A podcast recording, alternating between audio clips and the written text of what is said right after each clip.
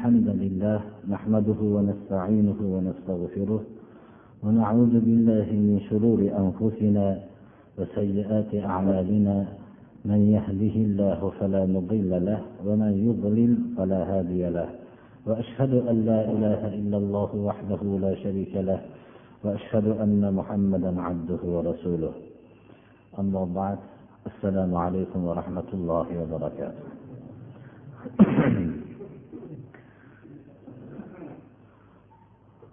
bugungi qur'oni karimdan davom etayotgan darsimiz inshaalloh surai arof. Surai arof qur'oni karimdagi uzun suralar qatoridagi suralardan hisoblanib oyatlarning soni ikki yuzu olti oyatni tashkil qiladi. Sura arof janobi rasululloh sollallohu alayhi vasallam makkai mukarramada turgan vaqtlarda sura arof oyatlari nozil bo'lgan. Oyatlarning tartib bilan qo'yilishligi rasululloh sollallohu alayhi vasallamga ollohning buyrug'i bilan bo'lgan.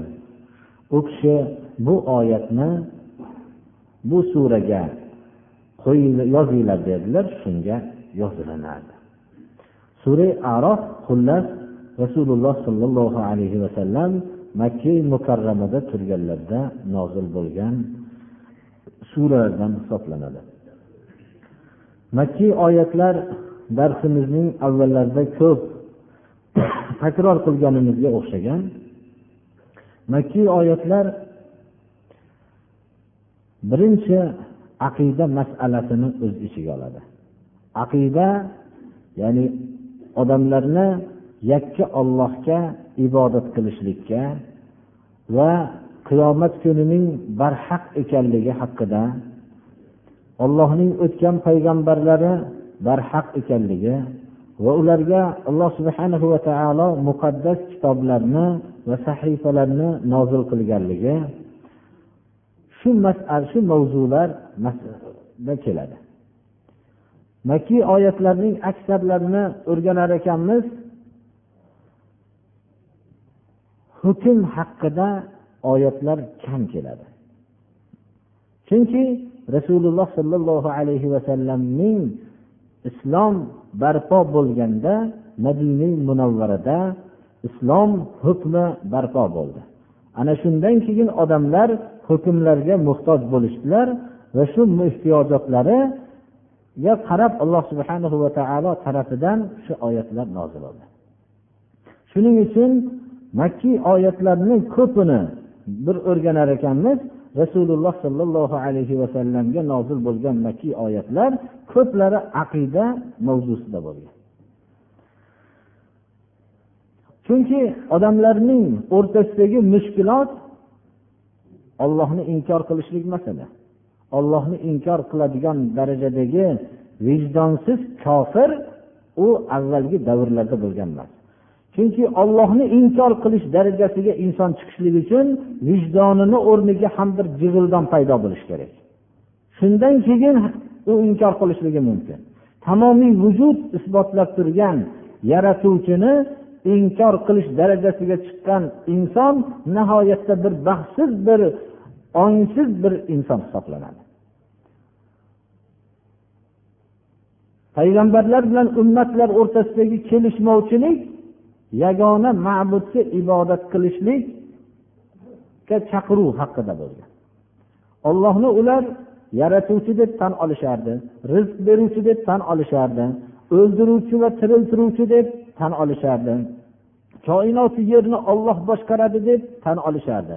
Lekin ibodat qilishganlarda ya'ni duo qilganda madad so'raganda panoh istaganda tavakkul qilganda va nazr qilganda mana bu ibodatlarda boshqa bir ma'budotlarga ham shu amallarini shu ibodatlarni qilishardi. Shuning uchun mushrik bo'lishdilar va payg'ambarlar bilan ummat o'rtasida kelishmovchilik paydo bo'ldi va shu kelishmovchilik davom etdi va qiyomatgacha haqiqiy mo'minlar bilan mushriklar o'rtasida bu kelishmovchilik davom etishligi kerak. Qachonki kelishuv paydo bo'lar ekan bu islom shirk bilan hech qachon kelishmaydi.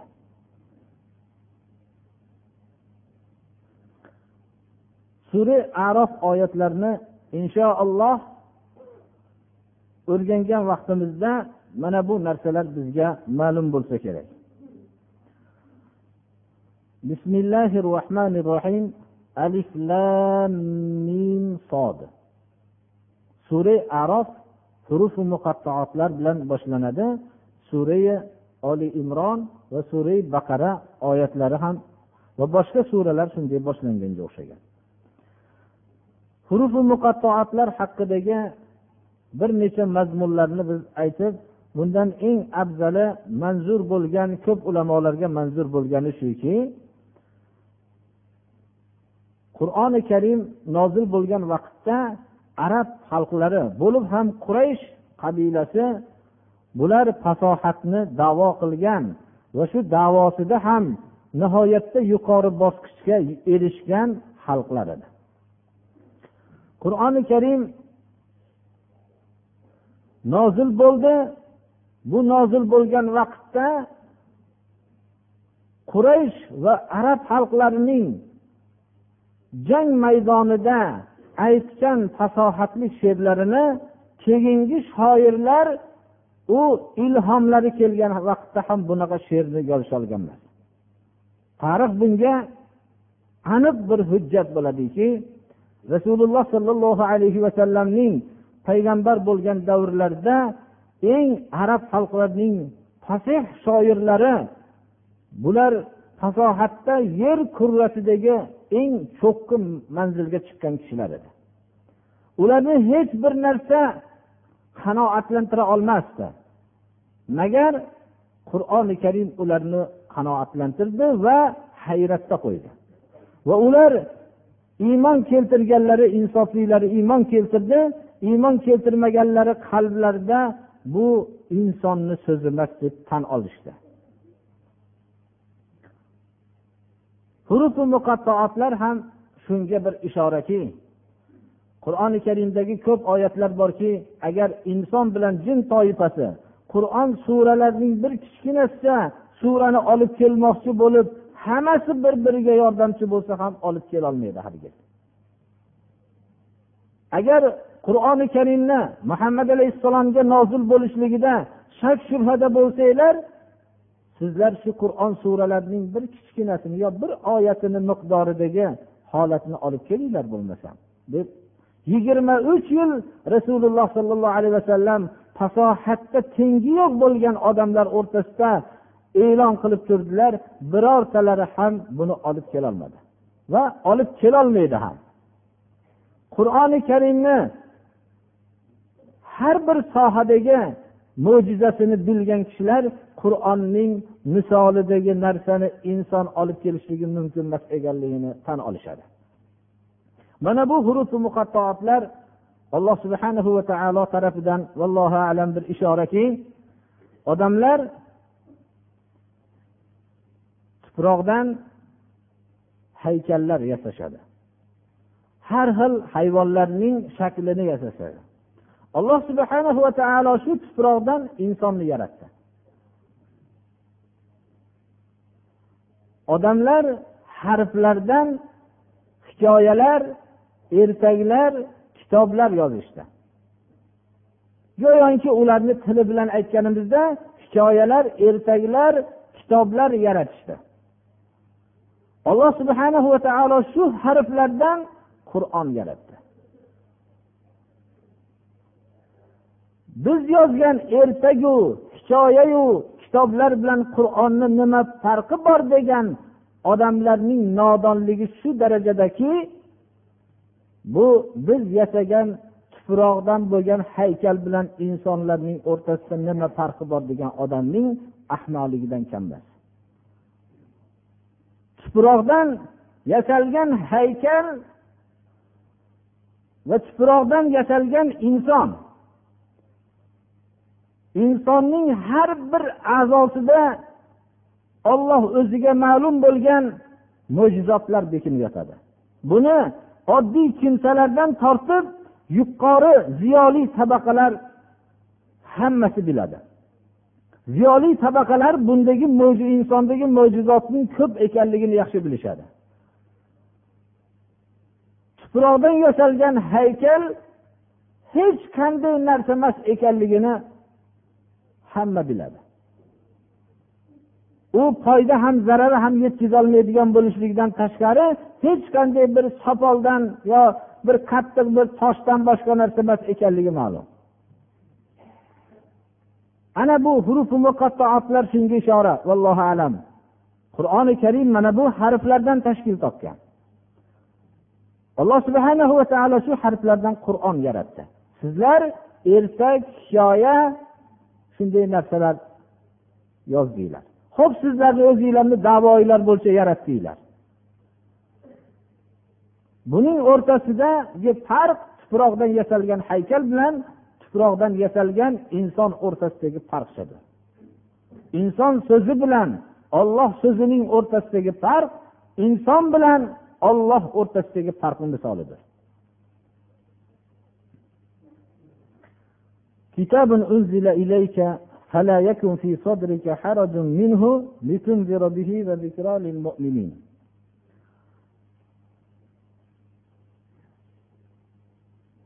sizga bu tushirilingan kitobdir qur'oni karimdir.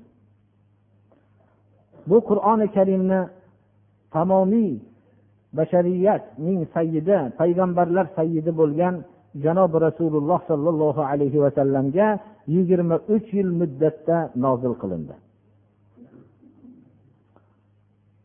Bu agar qur'oni karimni nozil qilinishligidan maqsad bir ziyofat vaqtlarda o'qishlikni o'zi bo'lganda yoyinki biror bir majlisda o'qib qo'yishlikni o'zi bo'lganda yoyinki faqat qabristonlarga borgandagina o'qib qo'yishlik bo'lganda yoyinki boring ma'nosini bilishlikni o'zi bo'lganda ham ma'nolarini tarkiblarini bilib ma'nolarini chuqur o'rganishlikni o'zi bo'lganda ham bu qiyin ish bo'lmagan bo'lardi birodarlar qalbi alloh subhana va taologa bog'lanib turgan tamomiy payg'ambarlarning sayyidi bo'lgan zotga alloh taolo bu kitob sizga tushirildi qalbingizda bu qur'onni hukmlarini yetkazishlikda odamlar bilan bo'lgan o'rtadagi munosabatsizlik paydo bo'lgan vaqtda qalbingizda haraj bo'lib qolmasin deyapti. Har bir ollohni yo'liga da'vat qiladigan odam bu oyatni bir tafakkur qiladigan. Inson qur'onni hukmini bilib amal qilib shuni xalqqa yetkazmoqchi bo'lishligi dardi bor bo'lgan inson qaysi o'rindan gapirsamikin odamlar bilan bu qilayotgan ishlari bilan qur'onni hukmini qaysi joyidan boshlasamikin deb qalbi tanglashadi insonni. Hatto rasululloh sollallohu alayhi vasallamning qalblarida bu tanglik bo'lishligini alloh taolo bilib qalbingizda tanglik bo'lmasin deyapti. Qur'on hukmlarini har bir johiliyatga giriftor bo'lib johiliyat botqog'iga botgan insonlarga yetkazishlikni misoli agar misol joiz bo'ladigan bo'lsa bir og'ir bir katta bir to'nkani atrofida qo'lingizda bir boltani ushlab hech qaysi joydan bir yorishlikni iloji yo'q bo'lganda to'nkani atrofida qo'lingizdagi bolta bilan aylanib qayerdan ursam bu ichiga kirishlikni iloji bor ekan deb turishlikni misoliga o'xshaydi.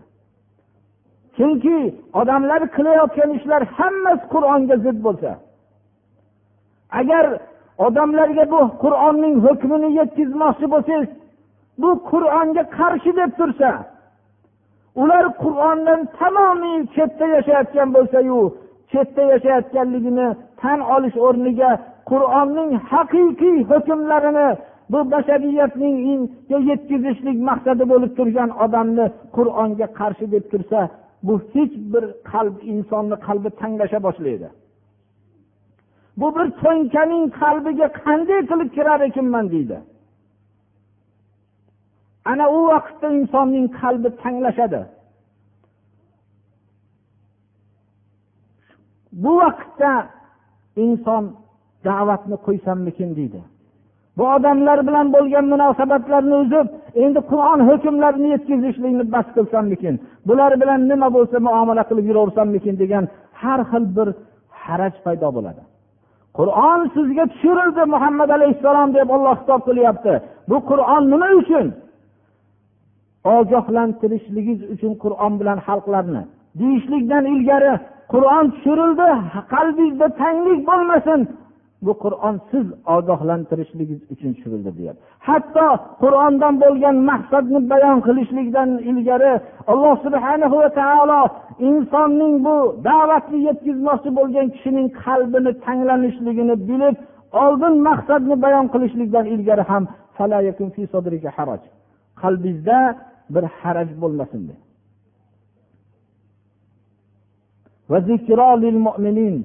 mo'minlarga tafakkur yodnoma bo'lishligi uchun qur'onni tushirildi.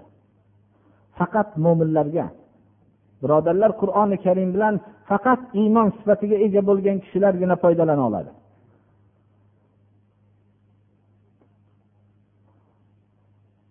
Hozirgi vaqtda ham bashariyat birodarlar johiliyatda yashayapti. Johiliyat bir tarixiy bir bosqich emas birodarlar. Alloh subhana va taoloning hukmini tanamagan bashariyat johiliyat bosqichidagi bashariyatdir. Qur'on haqligini bildirgan vaqtida qur'onni inkor qilgan odamlar insonga azob bermaydi. Bular kofir qur'onni inkor qilgan toifalar deysiz qutulasiz ammo qur'onni ushlab qur'onni o'pib qur'on kitobim deb tamomiy hayoti qur'onga zid bo'lgan odamlarga qur'onni tushuntirishi qiyin birodarlar bularga qur'onni haqida gapirsangiz qur'oni karimni bir hazil narsa qilib olgan millatga haqiqiy qur'onning hukmlarini tushuntirishlikda insonning qalbi nihoyatda tanglik bo'ladi. Agar qur'onning hukmlarini gapirsangiz tamomiy hayotini tubdan o'zgartirishligi kerak. Buni o'zgartirishlik qiyinligini biladida lekin haqiqiy hayotga kirib olganga qur'on unga rohat bag'ishlaydi. To'g'ri qur'onning hukmlarini biror bir kishiga aytsangiz bu juda qiyinu deydi. Lekin qur'on muhitida qiyin emas birodarlar. Islom yo'li juda qulay yo'ldir. Agar har bir sharoit vaziyat fohishabop bo'lishlikka sharoit bo'lsa o'g'rilik qilaman desa hamma sharoit bor. Buzuq ishlarga hamma sharoit bor. Nima narsa islomga zid bo'lsa hamma sharoit bo'lsa mana bu o'rinda haqiqiy qur'onni hukmini qilaman degan odamlar qiynalib yashaydi. Bu haq. Lekin qur'on hukmi barpo bo'lsa unda buzuq ishlarni qilishlik qiyin bo'lib qoladi. O'g'irlik qilishlik qiyin bo'lib qoladi. Qani bir bir pokiza tabiat bilan o'sgan odam o'g'riliklarni ko'rib turib taajjub qoladiki qanday inson bir odamning darvozasi qurilgan eshikka kechasida kirib shu yerdan bir narsani qanday vijdonsiz odam olib chiqar ekan deb juda o'ziga qiyin deb tanlaydi u narsani. Qalbida qur'onning hukmi bo'lmasa iymoni bo'lmasa unga halol yo'l bilan tiriklik qilishlik haqiqatda qiyin bo'ladi. Hayoti pora bilan o'tgan bo'lsa unga halol mehnat qilib pul topishlik qiyin bo'ladi. Lekin qur'onni hukmini qiyin deyotgan odamlarni tekshirsangiz hammalari kazzob o'g'rilik va pora shu bilan shug'ullanib qolgan odamlarga qiyin bo'ladi. Bu haqiqatda qiyin. Nopok hayotga o'rgangan odamga pok yashashlikdan og'ir narsa yo'q. Shuning uchun ham biz ba'zi vaqtlarda mo'min kishilar ham qur'onning hukmini qilmoqchi bo'lsak qiynalgan vaqtimizdagi sabab islom emas unga. Islom muhitiga zid bo'lgan sharoitda yashayotganligimiz sababdir. Demak har bir da'vat qiluvchi kishi bilmoqligi kerakki kitob rasululloh sollallohu alayhi vasallamga tushirilgan qur'on bilan ogohlantirishliklari uchun va mo'minlarga yodnoma bo'lishligi uchun bundan har bir da'vat qilayotgan kishi bu haqni yetkazishlikda qalbida bir haraj bo'lib qolmasligi kerak اتبعوا ما أنزل إليكم من ربكم ولا تتبعوا من دونه أولياء قليلا ما تذكرون rasululloh sollallohu alayhi vasallam ogohlantirishlik bu kishini vazifalari bo'ladigan bo'lsa mo'minlarning vazifasi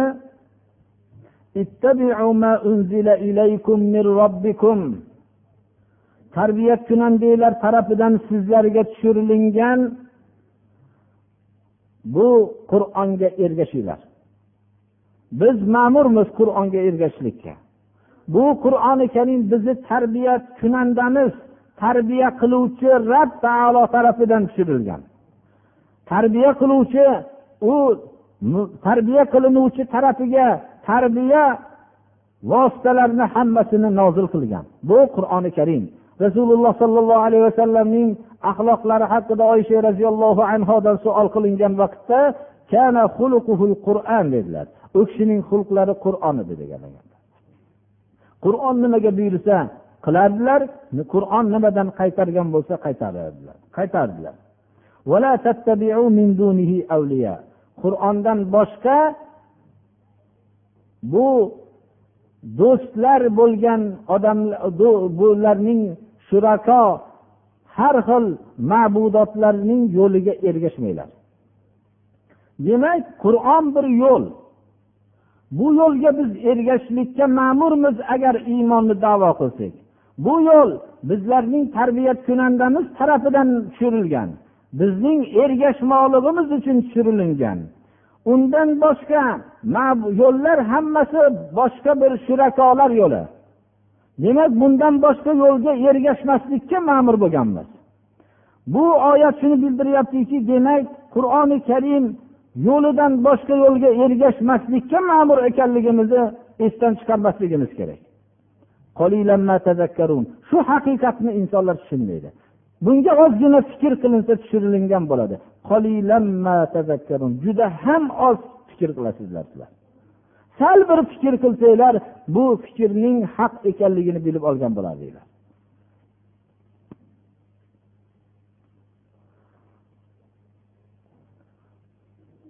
Alloh subhanahu va taolo o'zining yuborgan yo'liga ergashmagan millatlarning halok qilib yuborganligini zikr qiladi. Inson ibratlanishligi uchun o'zi qilgan ishning foydasini yoyinki bu zararli ish bo'lsa zararini tarixdagi bir misolini eshitishlikdan ko'ra katta bir ibratlik dars yo'qdir. Shuning uchun alloh subhana va taolo islom ummatiga o'tgan payg'ambarlarning ummatlari ergashgan vaqtda katta bir mukofotlarga sazovor bo'lganligi va ergashmagan vaqtda katta bir halokatlarning vujudga kelganligini ko'p qur'oni karimda bayon qiladi. Qancha qancha katta shaharlarni halok qilib tashladik.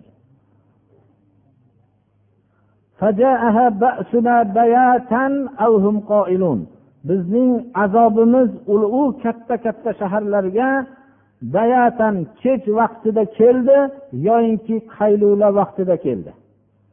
Uyqu vaqtdaqa bu g'aflat vaqti va shu bilan birga insonning rohatlanadigan vaqti. Inson bir qattiqchilikka kelayotganligini bilib tayyorgarlik ko'rib turgan vaqtda kelgan qattiqlik unga og'ir botmaydi birodarlar.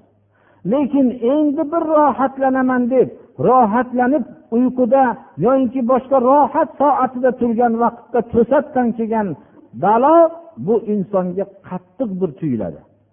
Alloh subhana va taolo mana bu oyatda qancha qancha katta shaharlarni halok qilib tashladik. Ularga bizning azobimiz kech vaqtda yoinki qaylula qaylula ham inson charchaganda qilinadigan kunduzdagi uyqudir mana bu soatda alloh subhana va taolo o'zining azobini jo'natganligini payg'ambarlar yo'lini qabul qilmagan shaharlarga shunday baloni jo'natganligini bayon qilyapti.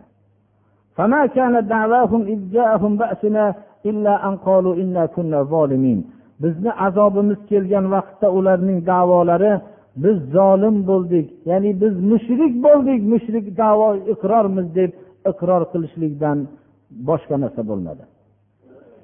Shu oyatda bir narsaga to'xtalib o'tmoqchiman. Inson har bir narsani davo qiladi. Ilmi yo'q kishi ilmni davo qiladi.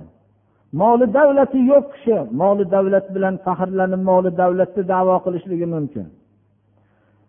O'zini hamma sifatlarni davo qilishligi mumkin. Hunari yo'q kishi hunarmandman deb davo qilishligi mumkin. O'zida salomatligi yo'q bo'lgan odam. Salomatman deb o'zini ushlab turib tandurustman deb davo qilishligi mumkin. Hamma narsani iqror bo'lib davo qilaveradi. Ammo o'zini gunohkorman zolimman deb davo qilishlik har kimga nasib bo'lmaydi. Bu qachon? Inson har bir odam bunday iqror soati keladi. Lekin u qattiq ollohning azobiga duchor bo'lgan vaqtda gunohkorman osiyman men haqiqatda men o'zimning xatoyim bo'ldi degan narsani shu vaqtdagina iqror bo'ladi. Bu inson haddan tashqari qattiq bir balo kelganda bo'ladi. Boshqa vaqtda insonning qalbi kibr havo shunday narsalar bilan to'lib boraveradi. Biror bir insonni ko'rganmisizki o'zining holi yumshoq bemalol soatida o'zining xatosiga iqror bo'lganligini. Ammo qachon iqror bo'ladi? Qattiq bir uning boshiga qattiq bir musibat yoyinki olloh tarafidan qattiq bir balo kelgan vaqtda iqror bo'ladi.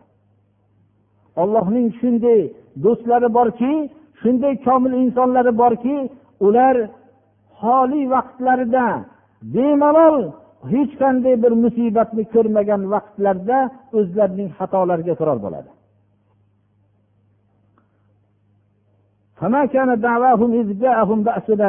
Bizning azobimiz kelgan vaqtda ularning davolari biz zolimmiz deyishlikdan boshqa narsa bo'lmadi.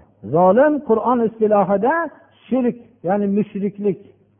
Inson shirkni yakka ollohga ibodatni davo qiladi. Biror bir tayyorada ketyapsa yoinki biror qattiq bir baloga duchor bo'lsa halokatning labiga kelib qolgan vaqtida shunda o'zingdan boshqa panogohim yo'q o'zing saqlamasang meni hech kim saqlamaydi o'zing yordam bermasang boshqa narsa yordam bermaydi deydi. Shoimardon ham esdan chiqib qoladi uning qorovul otasi ham esdan chiqib qoladi sig'inib yurgan daraxtlar ham esdan chiqib qoladi haqiqiy balo kelgan vaqtda o'zingdan boshqa panogohim yo'q deydi. Mana bu vaqtda inson iqror bo'ladi. O'lim bo'g'azasida ham iqror bo'ladi lekin unda fursat ketgan bo'ladi. Insonning ichidagi fitrat qo'zg'aladi. Toza olloh yaratgan fitrat qo'zg'aladida davosi iqror bo'ladi. Qiyomat dahshatlari juda qattiq dahshatdir. U soatda hamma iqror bo'ladi. Hamma gunohni qilganman deb tan oladi lekin u vaqtda vaqt o'tgan bo'ladi فلنسألن الذين أرسل إليهم ولنسألن المرسلين فلنقصن عليهم بعلم وما كنا غائبين alloh subhanahu va taolo qiyomatda albatta savol qilishligini bayon qilyapti bu ummatlardan albatta biz so'raymiz va olloh tarafidan payg'ambar qilib jo'natilingan kishilardan ham savol qilamizki da'vatni yetkazganmisiz deb. Payg'ambarlardan ham savol qilamiz deyapti. Shuning uchun ham rasululloh sollallohu alayhi vasallam doim ham qilardilar xususan hajjatul vadoda vidolashish hajjida yuz minglab jamlangan sahobalar huzurida men sizlarga ollohni buyruqlarini yetkazdimmi dedilar. Ular yetkazdik deganlarida allohimma shhad deb osmonga qarab qo'ydilar. Xudoyo guvoh bo'lgin mana hukmlaringni yetkazdim dedilar.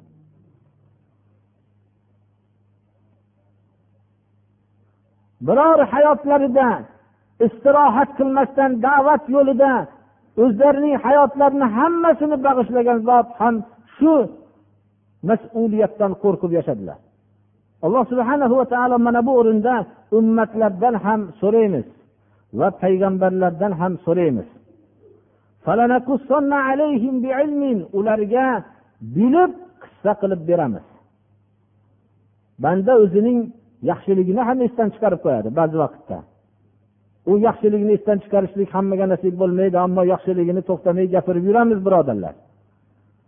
Yomonlik xatoyimizni ko'pimiz esdan chiqarib qo'yamiz. Ularga ilm bilan bilib biz qissa qilib berib aytib beramiz. Ular har xil ishlarni qilayotganda biz g'oyib emas edik.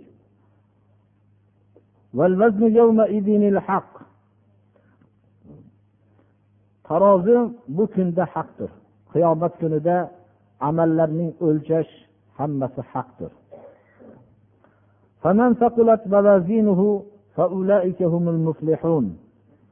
Bugun taroziga qo'yiladigan amallari og'ir kelganlar haqiqiy najot topgan kishilardir.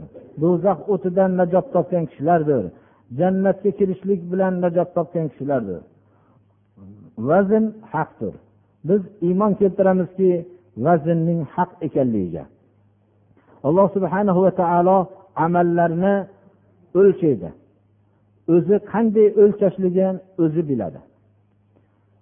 Mo'tazila toifasi tarozini o'lchov asbobini inkor qilishdi. Amallarning qiyomat kunida tarozida tortilishligini inkor qilishdi.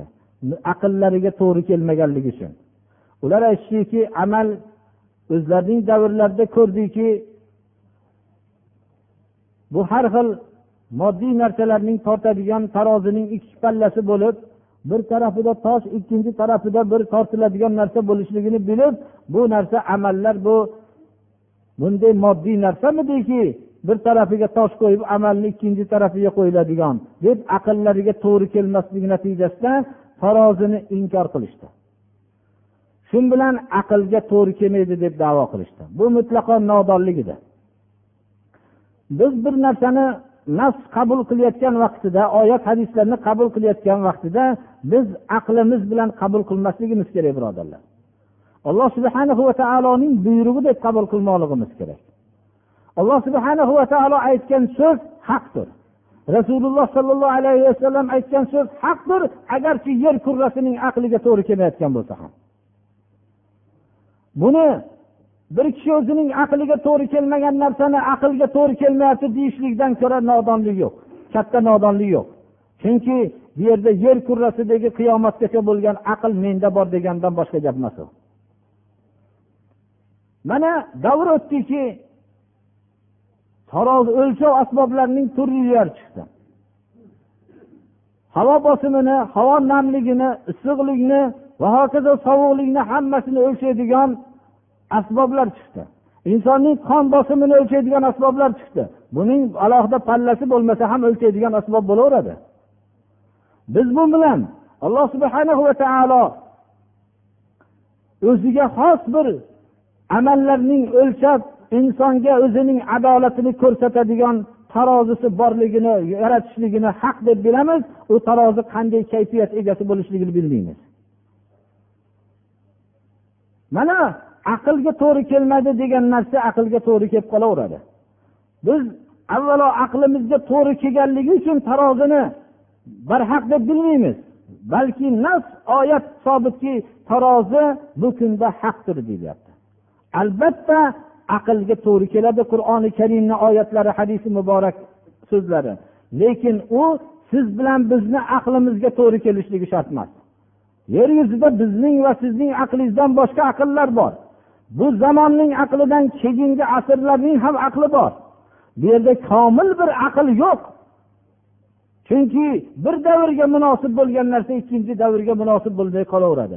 Qur'oni karim olamni yaratgan zot tarafidan kelgan. Komil aql tarafidan kelgan. Shuning uchun biz qur'oni karimni biz shunday aqlimizga to'g'ri kelish to'g'ri kelmasligidan qat'iy nazar qabul qilmoqligimiz kerak. u albatta aqlga to'g'ri keladi yana takror aytamiz u bizning va sizning aqlimizga to'g'ri kelishligi shart emas kim o'zini aqliga to'g'ri kelmagan narsani aqlga to'g'ri kelmayapti deyishligi u mantiqqa ham zid aqlimga to'g'ri kelmayapti demoqligi kerak aqlga to'g'ri kelmayapti degan so'z yer kurrasidek aql meni aqlim deb davo qilishlikdan boshqa narsa emas ومن خفت موازينه فأولئك, هم فأولئك الذين خسروا أنفسهم بما كانوا بآياتنا يظلمون qaysi odamning taroziga qo'yiladigan amallari yengil kelsa bular o'zlarini boy bergan odamlardir inson har bir narsani o'zi uchun qiladi o'ziga foyda bo'lsin deb qiladi libosni o'ziga oladi yemoqni o'ziga bo'lishligini orzu qiladi turmoq hamma narsani o'ziga bo'lishligini orzu qiladi Endi o'zini boy bergandan keyin u hamma narsani boy bergan bo'ladi. Alloh subhana va taolo boy bergan kishilar deb o'zlarini boy bergan kishilar shulardir. Ollohning oyatlariga zulm qilganligi uchun zulm qilishib qabul qilmaganligi uchun zulm qilib ollohga boshqa ma'budotlarni sharik qilib o'zlariga zulm qilganligi sababli ollohning oyatlari shirk degan narsalarni qabul qilmaganligi bilan zulm qilganliklari sababli. Shuning uchun tarozilarida yengil bo'lgan amallari yengil bo'lgan kishilar shulardir. Bular o'zlarini boy bergan odamlardir.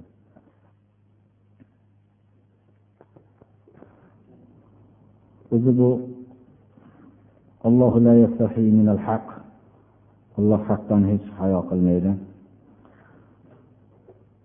Savol qildilarki g'usul vojib bo'lishlik haqida uyquda ehtilom bo'lib qolsa biror bir namni ko'rmasa g'usul vojib bo'ladimi yo'qmi deb so'radilar uyquda ya'ni tushida ehtilom bo'lsa biror namni ko'rmagan bo'lsa g'usul vojib bo'lmaydi. Mabodo bir namni ko'rgan bo'lsachi degan savolga javob shuki uyqu vaqtida hayoli chachilib yotgan bo'lsa ya'ni hayoli chachilib ehtilom bo'lishlikka sabab bo'ladigan hayollari chachilib yotgan bo'lsa shunda namni ko'rgan bo'lsa g'usul vojib bo'lmaydi. Chunki shu hayoli chachilishlik sabab bilan kelgan naziy hisoblanadi. Agar uyqu uxlashdan ilgari hayoli chachilmaydigan holatda uxlab nam ko'rgan bo'lsa g'usul lozim bo'ladi aksar ulamolarni nazdida. Ya'ni unda bu ehtilom bo'lganligi muqarrar bo'ladi. Ba'zi bir narsalarni sepsa bo'ladimi degan nomi bilan so'rabdi. Biz bunga javobimiz xushbo'y narsaning tarkibida nopok narsa aralashgan bo'lsa bu narsa xushbo'y deb e'tibor qilinmaydi. U narsa aralashganmi aralashmaganligini shu sohadagi mutaxassis kishilar orqali bilinmoqligi lozimdir. Avvalgi darsimizda aytganimizdek shuni ham aytishganlarki bu lekin bu hozirgi xushbo'ylarga tushmaydi birodarlar. Shuni tayyorlash vaqtida esiga tushadi. Mushk degan xushbo'y narsa bor. Mushk g'azal degan kiyikning kindigini qonidan tayyorlanadi. G'azal degan chekin chekin bo'lgan kiyik bor? Shu kiyikni arab tilida g'ozal deydi. Shuni kindigini qoni otilgandan keyin shu hayvonni borib kindigini bog'lab olinadi. Bog'lab olingandan keyin buni ichida kindigini ichida qon qoladi. Shu qonni olib qatib qolgandan keyin bu mushukka aylanadi. Xushbo'y narsa bo'ladi. O'zi aslida qon najas edi bu narsa e, xushbo'y bo'lganligi bilan shu xushbo'ylik qatoriga o'tadi. Bu najas deb e'tibor qilinmaydi. Bunga dalil shuki ba'zi shoirlar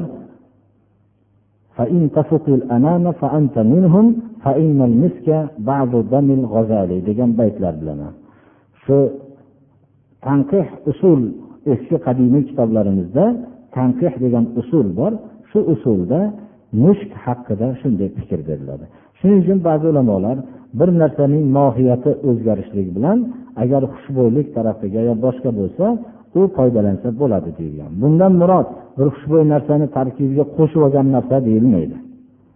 O'zi shu aylangan bo'lsa bir masalan nopok narsa bo'lsa shu narsa xushbo'yga aylangan bo'lsa uni mumkin pokiza deb e'tibor qil. Lekin bu bir narsani qo'shib turib aytilingan narsa bunga kirmaydi. Misol qilib aytganimizda eshak tuz koniga tushib ketgan bo'lsa eshakni go'shti bizga harom lekin shu tuz tushib ketishlik uzoq turish natijasida mana hozirgi bu olimlar ham uni nima qilishadilar? Tuz tarkibiga aylanib ketadi. Uni eshakligi yo'qolib ketadi. Faqat shaklda tuz eshak bo'lib qoladi. Kuni ro'za tutsa bo'ladimi dedilar ro'za ramazondan boshqa oyda juma kuni ro'za tutsa bo'lmaydi. Qilib qo'ygan bo'lsa tutadi. Shu kunda ro'za tutishlikni nazar qilib qo'ygan bo'lsa. Ayit kunlarda ro'za tutmaydi. Makruh. Unga ham nazr qilib qo'ygan bo'lsa unda id kuni ro'za tutmasdan boshqa kuni qazosini tutadi. Hammamizni ham gunohlarimizni mag'firat qilsin ibodatlarimizni alloh qabul qilsin. Alloh taolo shu darsimizni davomiy bo'lishligini alloh taolo nasib qilsin.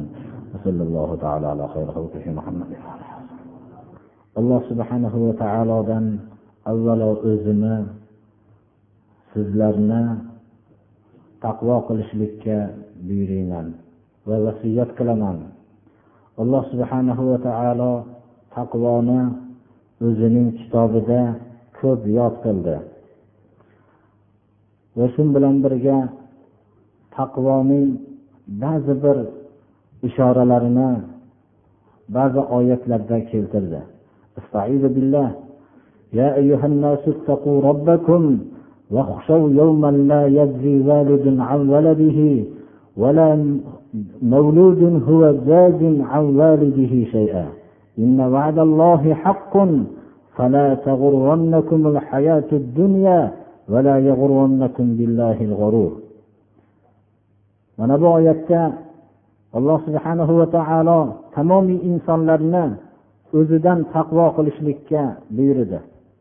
Va bu taqvoning belgisini ota ona farzandiga farzand ota onaga biror bir foyda yetkazolmaydigan kundan qo'rqishlikka bu qo'rqishlikni taqvoning belgisi ekanligi ishora qilyapti. Hayotdagi hamma taqvosizlikni hamma xatolarni tekshirib ko'rar ekanmiz aksari farzandlarni sababli taqvosiz bo'lib qolinadi shu farzandlarni yedirish kiydirish va hokazo shu farzandlarning biror bir martabaga ko'tarish biror bir shuni xalqlar o'rtasida obro'li qilish shunga o'xshagan maqsadlar bilan inson taqvo sifatdan mahrum bo'lib qoladi.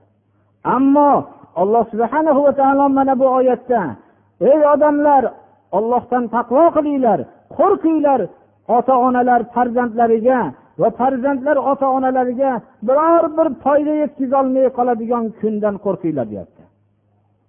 Mana bu biz farzandlarning muhabbati sababli taqvosiz bo'lib qolmasligimiz kerak. Farzandlar ham otalarining majburiyatlari sababli taqvosiz bo'lib qolmasligi kerak. Ba'zi oilalar borki farzandlar taqvolik bo'lishlikka harakat qilsa ota onaning majburiyati uning taqvosiz bo'lishlikka majbur qiladi. Mana bu soatda bilsinki taqvo sifatini qo'ldan bermasin shu farzandlar ham ota onalar ham.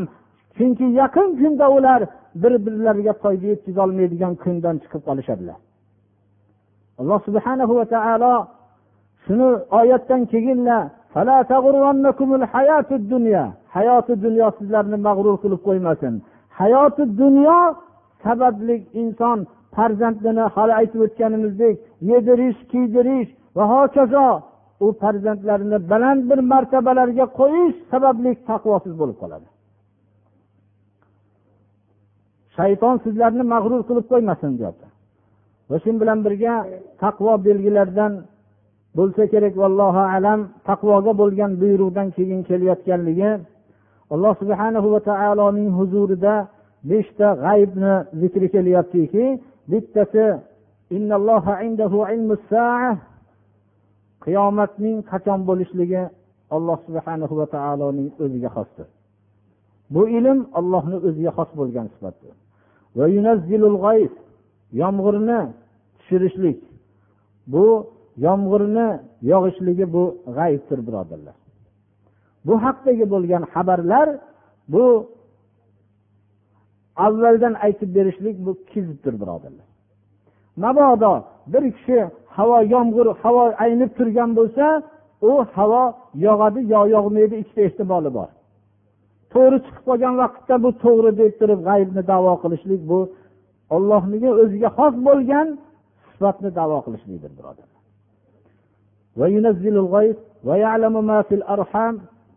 Onaning qornidagi bolani olloh o'zi biladi. Ba'zilar buni o'g'il qizligini olloh o'zi biladi deyishadi. Ba'zilar mafil arham on kelyaptiki bu qorinda bola bormi yo'qmi olloh o'zi biladi. Hozirgi vaqtda ba'zi kishilar davo qiladiki farzandi o'g'il qizligini aytib beradigan apparatlar va boshqa asboblar jihozlar bo'ldi deyishadi. Birodarlar o'g'il qizlik belgisi chiqqandan keyin paydo bo'lgandan keyin uni bilishlikni gapirilayotgani yo'q bu yerda.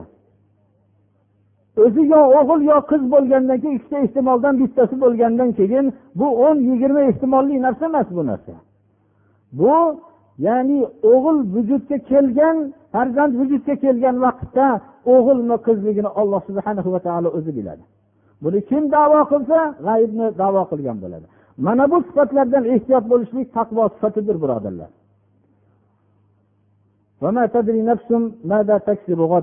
Ertaga nima qilishligini inson o'zi bilmaydi. Ko'p kishilar ertaga nima qilishligini biz rejalashtirib olganmiz bilamiz deyishadi. Yozsin shu odamlar ertaga shu ishlarni qilaman deb yozsinda va ertasiga nima qilganligini ham yozsin bir biriga solishtirib ko'rsin osmon bilan yerni o'rtasida farq bo'ladi